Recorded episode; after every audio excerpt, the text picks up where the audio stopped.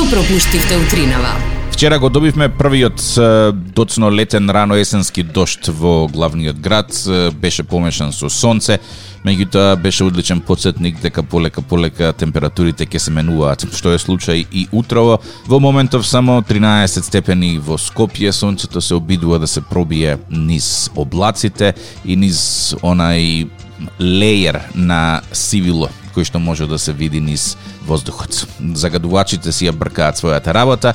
Градоначалникот на општина Карпуш рече дека депонијата кај Борис Трајковски ќе се среди. Наскоро Вардариште пред некој ден повторно гореше, цементарница обвиткана во прашина, а како јаготка на шлагот, министерот Филипче вчера со изјава дека и сам човек ако е на улица ќе мора да носи маска, а ќе се ограничи бројот на гости во кафани и кафулиња, бидејќи состојбата со корона се влошува. И се тоа би било супер, доколку на вистина успее да се контролира носењето маска внатре затоа што секој секаде кога е внатре носи маска, па сега може тоа да се реплицира на улица Јок. Клубови си работат под полна пареа, кафаните се полни, со маска не може ни да се јаде, ни да се пие. Истото важи и за конзумирање на националниот напиток кафето, кој што не можеш да го конзумираш со маска, така да јас лично апсолутно не гледам логика во барањето да се носи маска на отворено при работа на кафани, кафулиња и молови каде што има најголема концентрација на луѓе. Значи, прво речете го носењето на маска во овие објекти, а потоа може да се дискутира за тоа дали маска треба да се носи надвор на отворено или може би на соодветните институции име страф влегуваат по локали и да пишуваат казни за тоа што се на разни начини изврзани со собствениците, па вака наједноставно ќе биде да се удри по плепсот на улица кој што ќе се шета без маска. Нити ќе мора да се движиш по локали, нити ќе треба да се конфронтираш со газди, едноставно видиш Трајко Петко Станко на улица дека нема маска, опцуп, пишеш казна и тоа е тоа. Мислам дека кај народот ќе резултира само со револт. На тема корона, британскиот премиер Борис Джонсон вчера најави нови порестриктивни мерки во Англија, кои што ќе траат 6 месеци. Една од тие мерки е и ограничување на работата на кафулињата и на рестораните и на пабовите до 22 часот на вечер, што до некаде е и логичен потек за тоа што пак ќе кажам најголем број на луѓе организираат е, свадби, семени веселби, што го душте не во време кога не е препорачливо тие да се одржуваат баш во овие локали. А свадби низ цела Македонија колку сакаш. А ако допред 4-5-6 месеци беше ин да се прави свадба на отворено во некој шатор е, или супер луксузен ресторан. Сега свадбите полека полека се префрлуваат во села, на ливади, на полјани, во скривници, далеку од љубопитното око на инспекторите и чуварите на јавниот ред и мир. Джоа, ако сега не влезете во брак, никогаш нема да ви се опраат е, работите.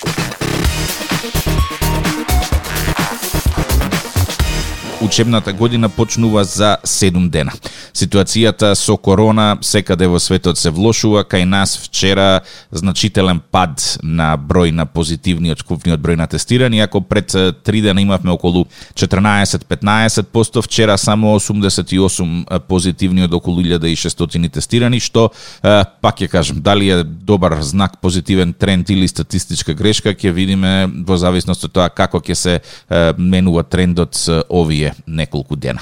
Препораките остануваат исти, избегнување на групирање, носење на маска во затворен простор, а според новото има и најава дека ќе се бара носење на маска и на затворен простор, што ако кафаните и кафулињата продолжат да работат, според мене е огромна небулоза, ама моето мислење секако може да се разликува од вашето. За сите оние кои што се загрижени а, за кучињата скитници во главниот град, најавено е дека Лајка ќе почне да работи некаде од почетокот на месец октомври, со што би требало да се стави крај на сите оние кучиња кои што шетаат по скопските улици и предизвикуваат опасност за граѓаните на главниот град. Поголема група од кучиња концентрирана некаде околу новиот дел на градскиот парк кај ботаничката градина, страф и трепет за сите оние кои што сакаат да одат во паркот од таа страна.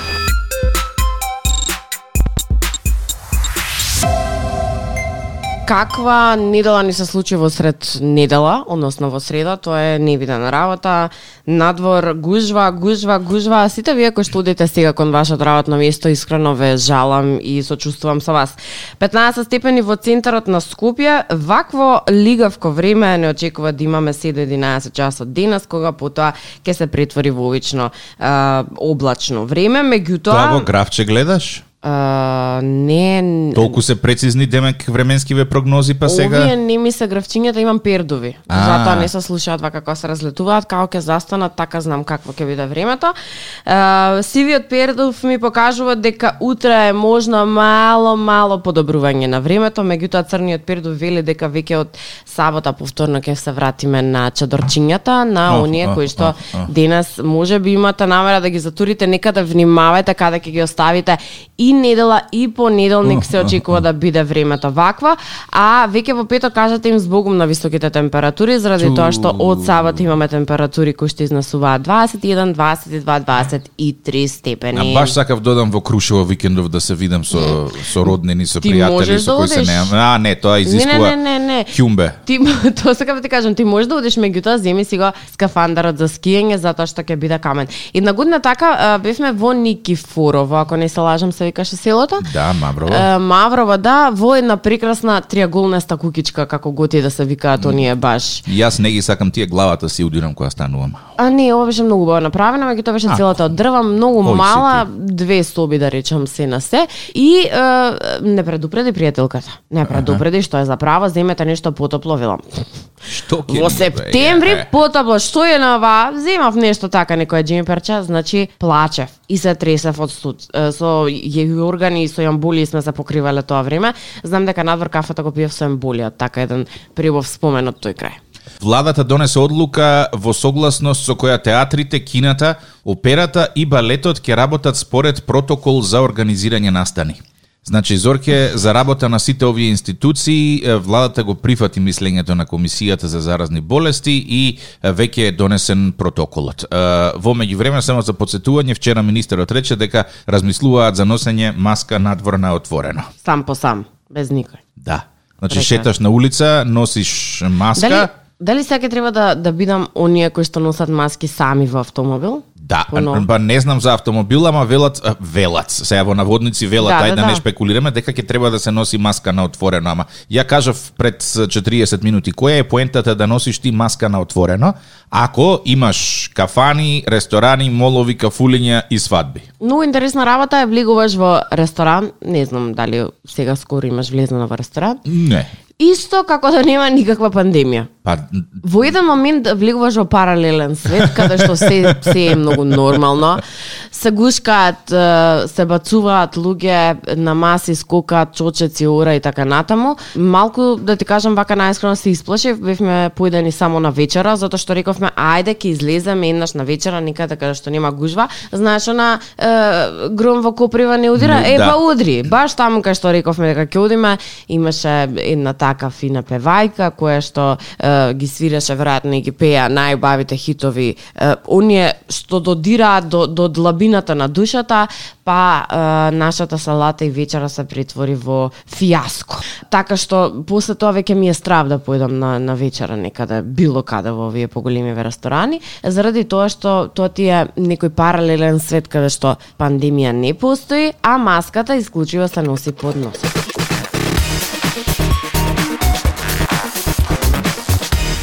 Зорки е само што открив дека ако стиснеш лайк на Facebook, веќе не ти го праќа оној прстот вака нагоре, туку ти праќа срце. Не, погрешка си стиснал Не сум стиснал погрешка, еве сега се препишувам со fanhub.mk и стискам тука send like и му праќам срциња. Еве. Молим те само кажи му дека а, а за срциња во пораке зборуваш. Да, да, да, да, да, да, да, да, да, Те да, молам да, само да. кажи му дека погрешка му ги праќаш срцињата да не Не па слуша. слуша до. Да, предпоставувам дека слуша. Да, но тоа е многу незгодно. Сакаш да му стиснеш на некака окей, Да бе и а ти му излегува. срце.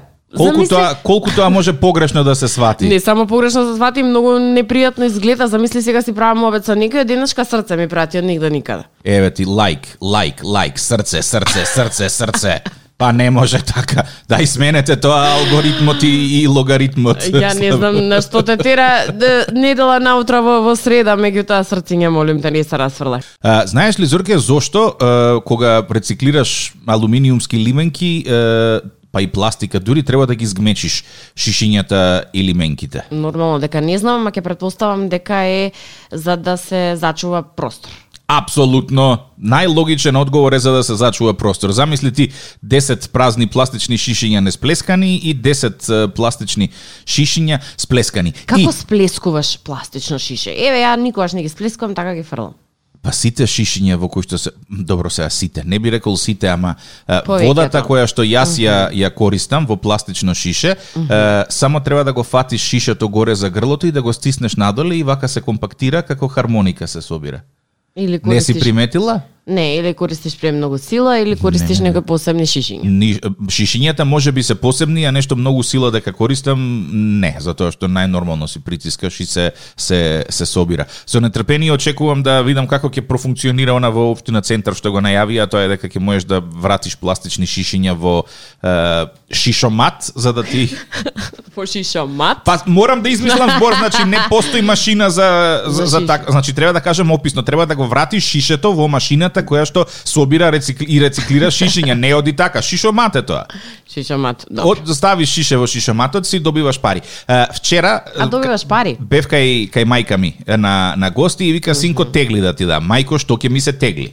Епа не знам што да правам со тегливе. Сега и викам дај, што ќе ги чуваме теглите да ги фрлам. Има тука во близина контейнер за стакло. Леле Зорке, знаеш дека 15 минути седев покрај контейнерот за стакло една по една фрлав тегли внатре и го слушав оној звук на стакло што се крши. Така, така, така. Абе немаш појма колку интересно доживување. Седи, фрлија теглата, кабум. Ама ти знаеш дека тоа инаку ослободува од стрес. Па ослободува од стрес. Не да. знам каде беше, некаде кај нас е, во околниве земји, имаше фабрика против стрес во која што можеш да одиш да си платиш некоја сума, не знам колку таму, и да си кршиш го има тоа и во во Нью Йорк, да. Пола саат со бейсбол палка или со орудие по твоја желба, буквално Е, ова, ова не е со орудие, ова е само ти даваат одредена количина на, на тањери, чаши и е, нешто, садови, ајде да кажам, кои што се за користење и ти можеш да одиш рамномерно и да си ги джиткаш на сите страни и да уживаш во звукот кој што го произведува скршена чаша. Е, ова во Америка е малку понапредно, значи не е како се вика она. Да, ти Нема во, во. Малтене, во Малтене наместен е, стан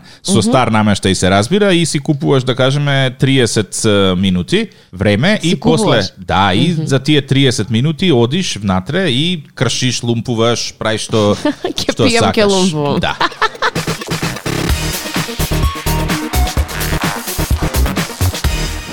Добро утро. Листам, листам по вестите кои што се денес како демек најактуелни, иако ова е вест од вчера, и налетувам на а, правилото 6 минути. Вели дали сте слушнале за правилото од 6 минути? Го отворам, Да. нели нормално правило, си велам ку знае за што е за рутина дневна на кожа, на, На лице, состанок на не остануваш повеќе од 6 минути. Се што може да се каже на состанок треба да се каже за 6 минути. А гледаш, не е тоа. Не е тоа. Не. А, у, што е? Сексолозите открија дека едноставното правило кое што го нарекоа 6 минути, ако е гарантира доживување оргазам и максимално задоволство од двајцата партнери.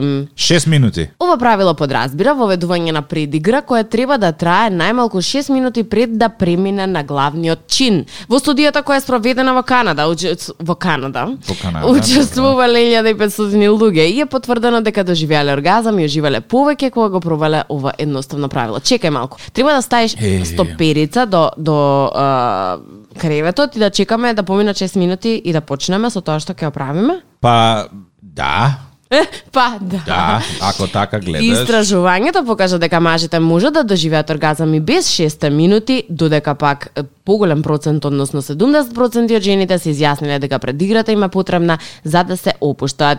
Драги мажи, ја мислам дека веќе све е кажано.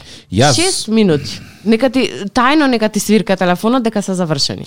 Јас Зорке размислувам колку попрактично би било ова правило од 6 минути да се применува во други работи во реалниот живот. Например, Например? да сготвиш граф за 6 минути. Ау. да исчестиш. Не се јавува жалам, Цаци Георгиева, среќен роден ден, ако слушаш, честиткава ти од Тони Костадинов. И како е Зорке покрај мало дете сега да си има и мало куче по дома? Исто како да имаш две бебиња, едното ваму е, растура, другото таму растура, е, се тепаат меѓу себе, е, сега си покажуваат и кој е шеф тука, значи ова вчера го донесовме, мисли дека е шеф одма. Да, тоа територија мора да се Арно, бележи. ама ова малово, друго мало мое дома. Големото, е, мислиш? Големо мало, да.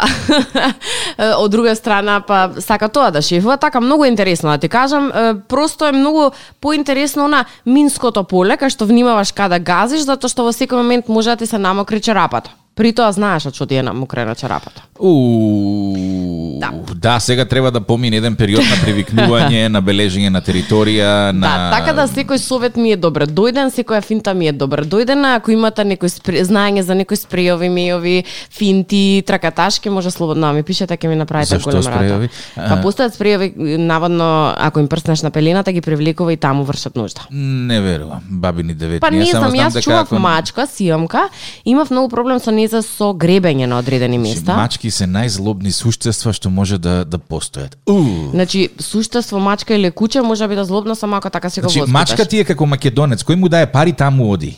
За разлика од кучето кој што се врзува со со Видиш, собственикот. јас на тоа не сум размислила зашто јас веројатно цело време му дав пари, тоа е храна, па сум и не беше Храна, значи врзана. мачката, та, таму кај што има храна, таму оди мачката. Комшија да и дае храна, одма ќе те остаи тука, ќе се пресели во, Ќе во комши. заборе. Да, кучињата од Значи, друга кој страна се врзуваат за за Кој господарите. маче на жените, не е тоа толку комплиментарно.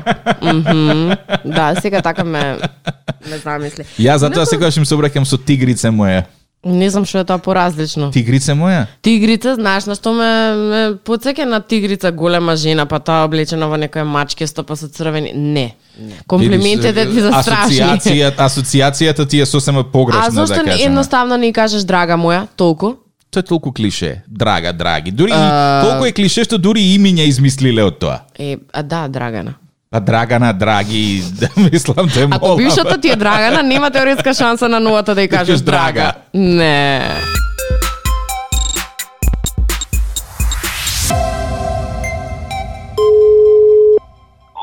Ало, Даниел? Да, јас сум. Е, здраво, Горане на телефона. Абе ми кажа, пријател, еден дека имаш плочи да продаваш. Да. Кажи ми што имаш или да ти кажам што ми треба. Ај кажи ми подобро така. Е, значи ми треба Шабан Шаулич од ПГП РТБ 86-та година највеќи хитови, Шемса Така. Сулјаковиќ од Југотон е, негде околу 76-та 7 ако ја имаш, Тозовац негде од 67-ма, 68-ма, 70-та ПГП РТБ. Така. Се наоѓа? А, значи Шабан имав, ама ја дадов, а овие другите не сум ги имал. Еј, на кој значи го даде да Шабан? На еден од гостивар. Ту да идам да го барам. А што имаш друго таму од, од наслови што може да ми биде интересно така? Барам од тие ретро плочите од СФРЈ. Па од тие немам нешто. Треба да имам 5-6, ама не знам дали се добри. Добро, небитно. Друго Да што е, предпоставувам рок, мок, такви работи некои. Па попрок, да. Супер. Попрок, Одлично. Користени, некористени, вртени? Користени, користени, немам. Одлично. Нови немам. Океј, супер. Фала ти многу. А, Ништо нема проблем. Уште едно нешто. Среќен роден ден. Се збуни? На телефон за TikTok и Зорка од Радио 2, а честиткава ти е од... Клубот Потфат МС. О, фала. Ама како си спремен, бре, во 9 и 5, одма знаеш што има на колекција, што има на лагер, што нема. Значи, Зорке, Епа. правите колекционери, вклучувајќи ме и мене, точно знаат што имаат во својата колекција. Тие другите што немаат поима што имаат, тие не се колекционери, да знаеш. така. Значи, сериозно Шабан отиде. Ништо ќе обараме Ша- Шабан да, во мислев дека ќе рече немам такво нешто, дечко што ти е, ама имало и тоа.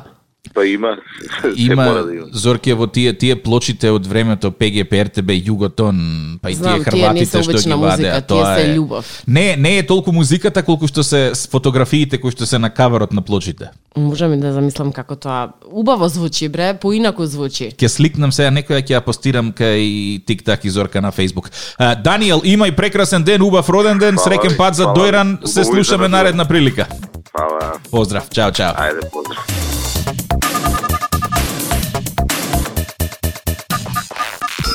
Ако тргнеш да размислуваш Зорке, фактот што денеска или утре или кога и веќе да почнува есента, има и некои добри работи. Например, ракијата, пивото и виното веќе не мора да ги чуваш у фрижидер, слободно можеш да ги оставиш на тераса до некаде април месец. Што очекував да ми кажеш? Што оче... Ја не знам, викам, кој знае што ќе каже, што очекувам да ми кажеш? Е, за да биде комплетно доживувањето есенско, мирис на костани ми фали. И е, друга позитивна работа, комарците ќе ги снемат. О, да, конечно. Е, сега доаѓаат и негативните работи на рета, тоа е дека ќе треба почнеме грење да пуштаме по дома, дека Да. сметката за струја ќе биде малку поголема, меѓутоа есен си има свој предности. Например, јас ваквото време го обожавам, Ама да сум соодветно облечена, а не вака со ливчиња на мене со првото што ми дојде, со надеж дека не, нема ми студи. Да, ми студи и не требаше вака да се облечам. Од први 10 официјално ја отвараме сезоната на ПМ10 честички со секојдневни известувања од мерните станици низ Скопје за ситуацијата со аерозагадувањето. Така да освен корона тајм рубриката, уште една редовна рубрика ни се враќа на, на репертоарот. Да, ќе му обитиме секоја сабајла.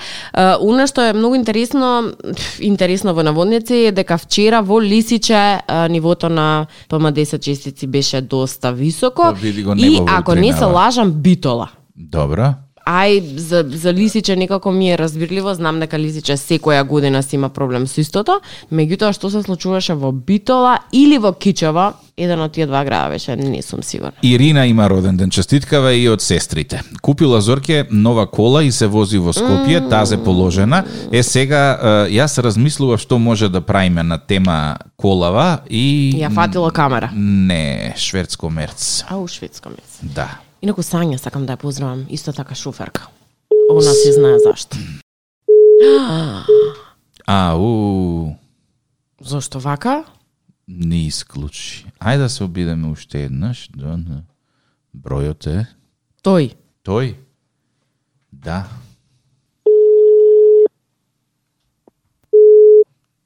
Не, не, не, интересно. Не, да. Uh, не знам дали ти подкажав, Себе го Славчо пиша во Битола рек го имаме така да од реке загадувањето. Предпоставив дека од таму доаѓа, ама што е тука? uh, кога сме веќе на тема корона, дома седење и така натаму, периодов многу користев онлайн услуги. Купував онлайн разноразни предмети, блузи, не знам, свашта. Не знам што не купив онлайн. Се што имаш онлайн, не За колку време стигаат во Скопје пакетите? 3 до 5 дена со тоа што имаше една фирма од Виница, ако не се лажам, нека ми простат ако сгрешив, имав молба и желба да ми стигне побрзо. Самите од фирмата ми испратија шофер, нивни, кој што ми го донесе производот во рекордно брзо време, односно следниот ден. И сум неизмерно благодарна за таквата услуга. Друго сакам да кажам. Љубопитноста ја надвладеа мојата култура. Што си купувала од виница што мора толку брзо да ти стасат дома, па шофер ти пуштаат извини? Дете, не што да купам. Купував облека, што да купувам друга. Е, Зорке, Интересната толку работа...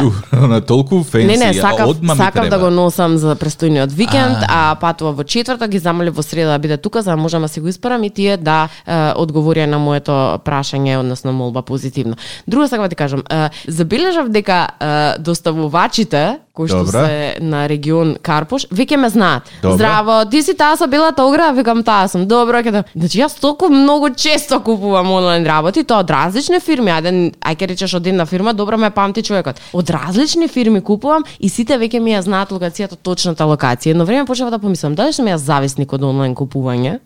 Толку многу. Не, не, не. Види, се додека купуваш подеднаква количина на работи колку што си купувала пред да почнеш онлайн, само го менуваш начинот на купување, наместо да одиш, кликаш на интернет. Е, Сега далеко е полесно кога немаш контрола на вадење на картици или кеш, како што правиш во дуќан, ти да си стискаш порачка, порачка, порачка, порачка, па 50 денари испорака, па ова, не, па 50 она. динари испорака. Колку е? 120 до 150 динари, зависно од која фирма ќе те испрата. Да. Скапичко е тоа, Зорке. Скапичко, меѓутоа удобноста да си порачаш и да го добиеш во твојот дом, А чини. друго сакав да кажам, фискално ти даваат? Најчесто да, си Добро. стои во самиот пакет, Пакет, внатре. Иако да ти кажам најискрено и Затоа дека што не мислам сум... дека е, со овие онлайн купувања сега може сива економија да цвета. Ти немаш физичка продавница каде што инспектор може да дојде да провери дали си фискализиран и така натаму и така натаму. Што се однесе ако ти можеш од некој магазин да пушташ роба по карго, да собираш пари у кеш, да не платиш данок. Ти стварно сакаш јас да немам облека, гледам. Не, не, не, само ти јас општо кажувам, мене. значи ако сакаме да функционираме како општество, даноците мора да се платат, а за да даноците се платат, треба да се издаваат фискални сметки. Е сега Ти тоа па што сакаш да не, да не се облекувам. Да го смениме бројот, овој муабетот и да не им даваме идеи на оние кои што се уште немаат никаква идеја што би направиле во врска со тоа, а до тогаш може да бидеме облечени и дотерами за, за во секоја прилика. На Радио 2, секој работен ден од 7.30. Будење со Тик-так и Зорка. Во случај на неконтролирано смеење и симптоми на позитивно расположение, консултирайте се со вашиот лекар или фармацевт.